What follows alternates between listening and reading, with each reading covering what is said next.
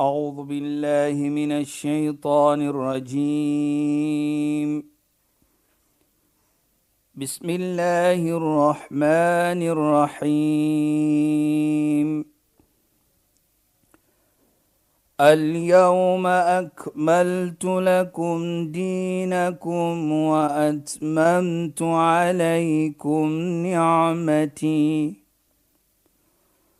واتممت عليكم نعمتي ورضيت لكم الاسلام دينا صدق الله العظيم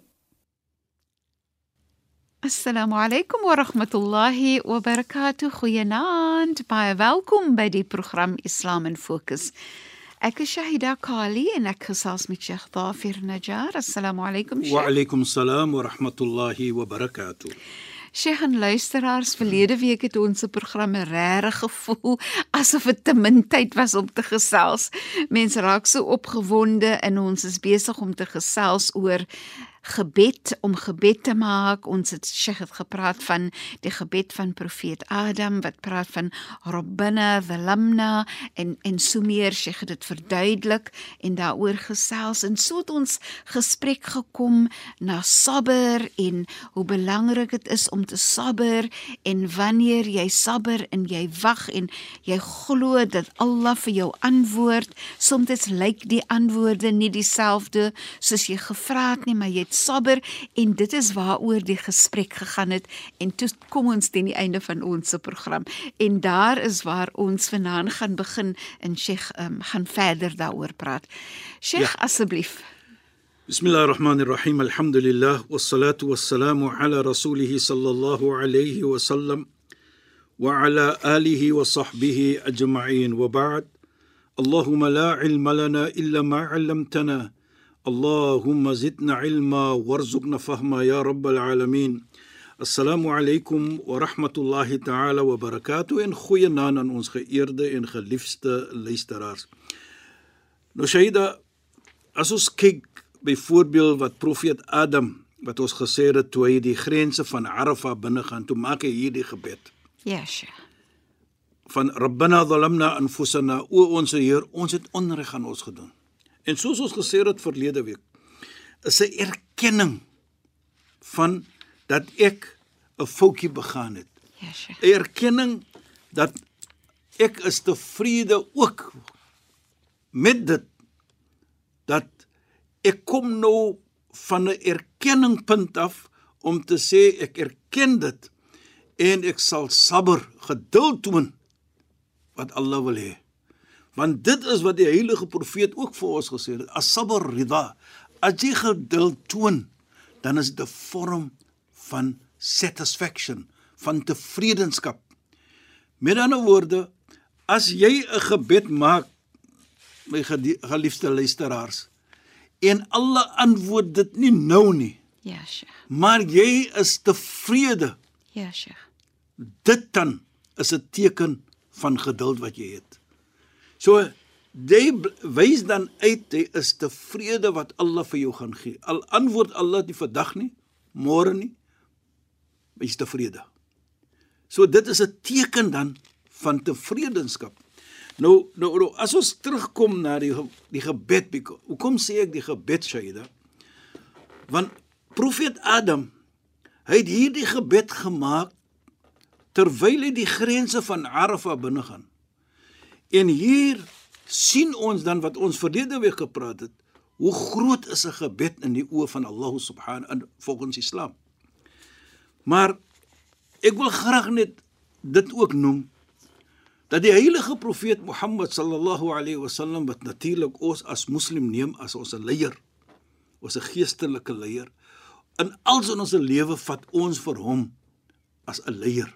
Hy het vir ons als geleer.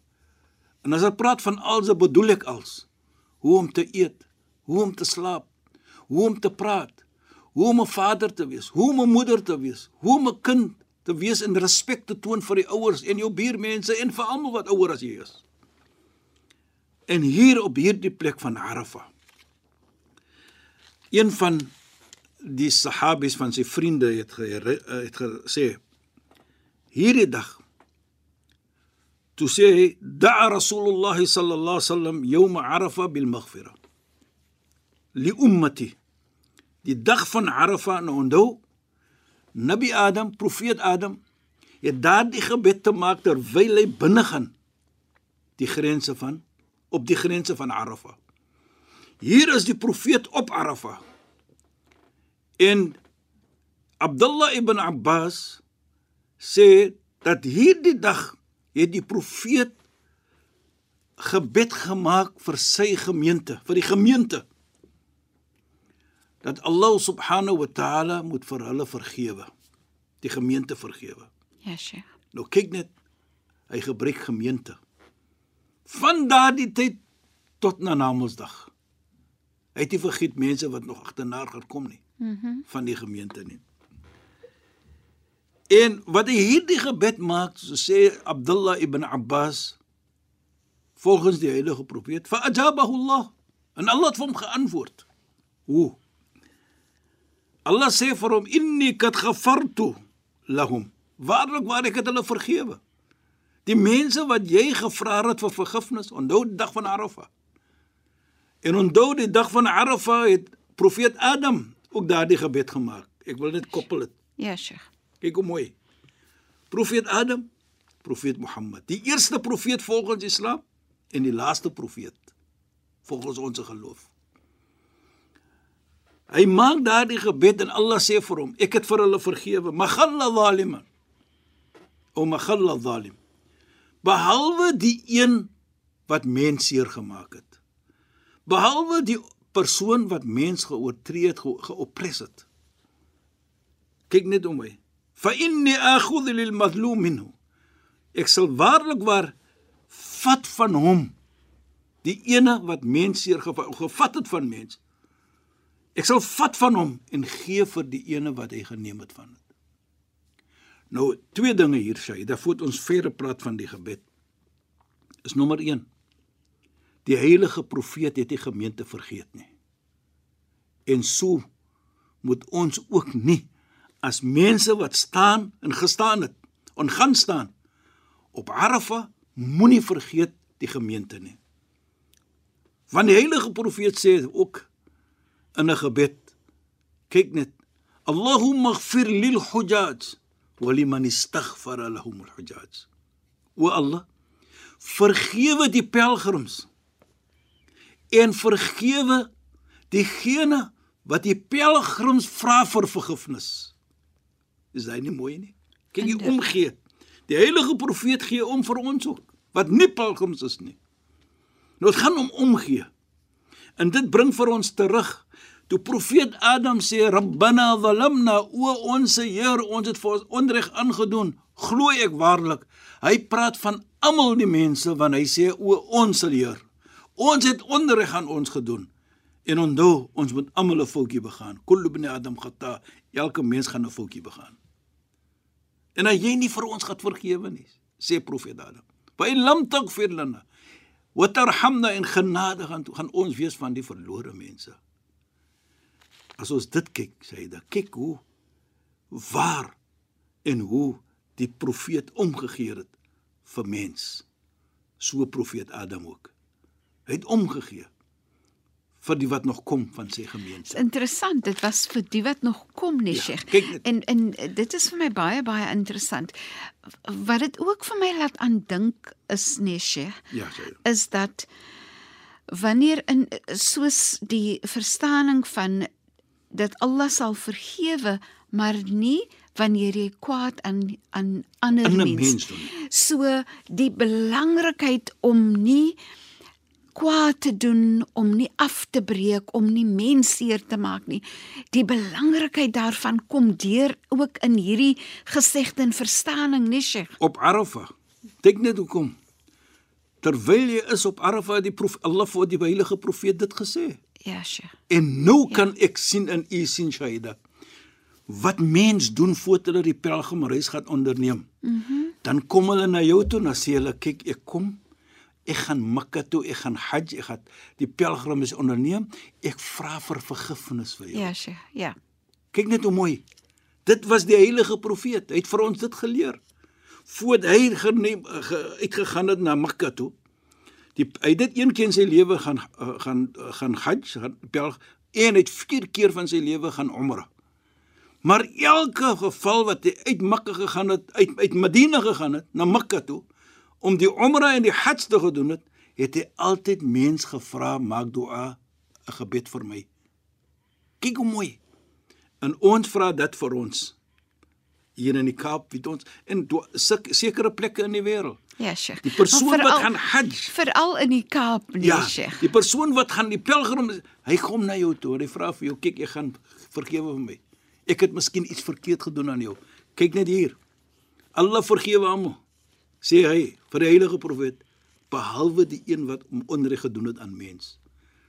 En daardie mens wat nou die pelgrimreis onderneem, hy kon na jou toe vra vir jou vergewe maar vir my. Ja, Sheikh. Kyk hoe mooi is dit. Dis regtig regtig mooi.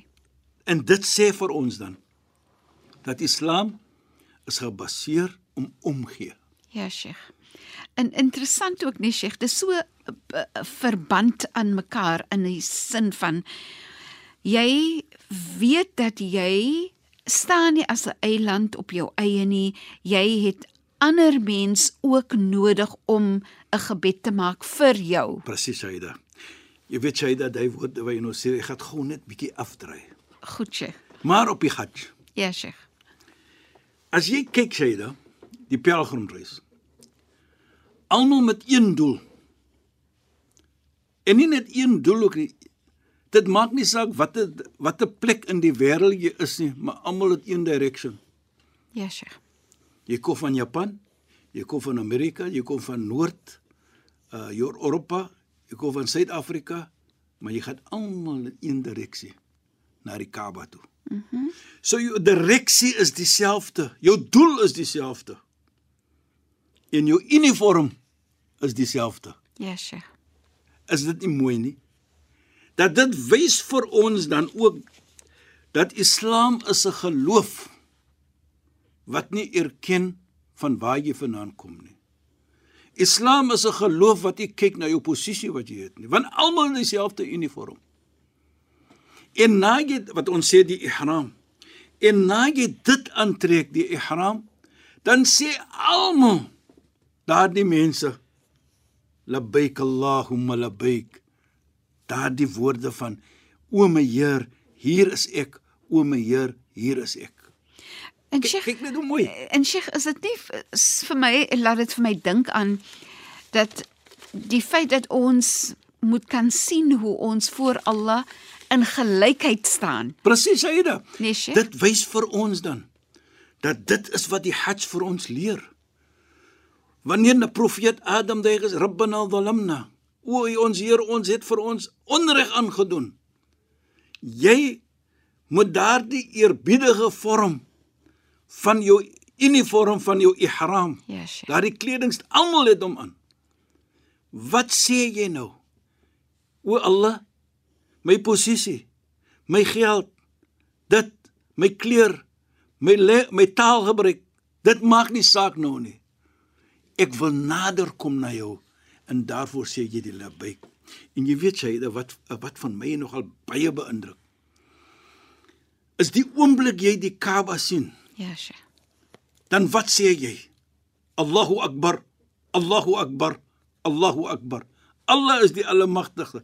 Jy erken op daardie oomblik is deur Allah se krag dat jy gegun was om hierdie plek te sien, naamlik die Kaaba. En kyk ook nou. Nou kom jy af. Jy gaan nou begin tawaf. Kyk net hoe mooi. Jy het gepraat van eenheid, jy het gepraat van omgee. En jy het ook gepraat van jy moet saam wees nou. Waar begin almal van ons met ons tawaf? Een plek, die Hajar al-Aswad. Almal begin daar. Dit gee nie vir jou as jy 'n koning is of 'n president is of 'n slaaf is dat jy op 'n sekere plek kan begin tawaf nie. Almal van ons begin dieselfde plek om vir ons te laat verstaan in die oë van Allah is dit almal dieselfde. Wat verskillend maak is ons karakter, ons godvreesenheid met Allah subhanahu wa ta'ala.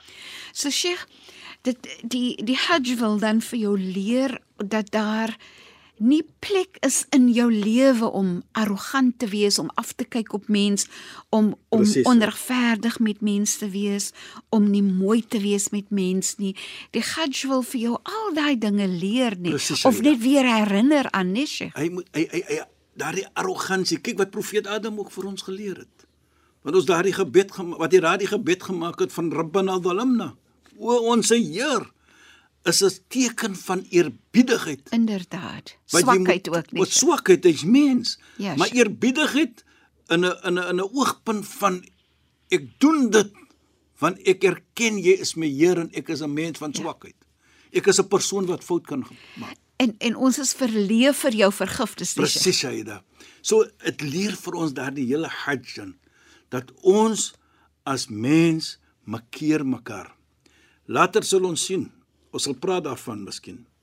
Maar hier sien ons ook dan dat as jy begin met die tawaf, die beginsel is almal dieselfde en die einde gaan ook dieselfde wees. So ons se einde gaan wees kullu nafsin daikatul maut. Elke siel gaan proe die dood. Ons gaan almal voor Allah staan na Mondsdag. So herinner dan vir ons ons beginsel is daar en dieselfde tyd gaan ons se einde dieselfde wees. Wat bedoel? Ons gaan dood eendag. Dit wat die ihram vir ons ook leer.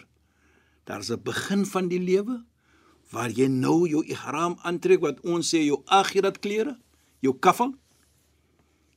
Dit her, dit herinner vir ons van daar's 'n begin en daar's 'n eind van die lewe.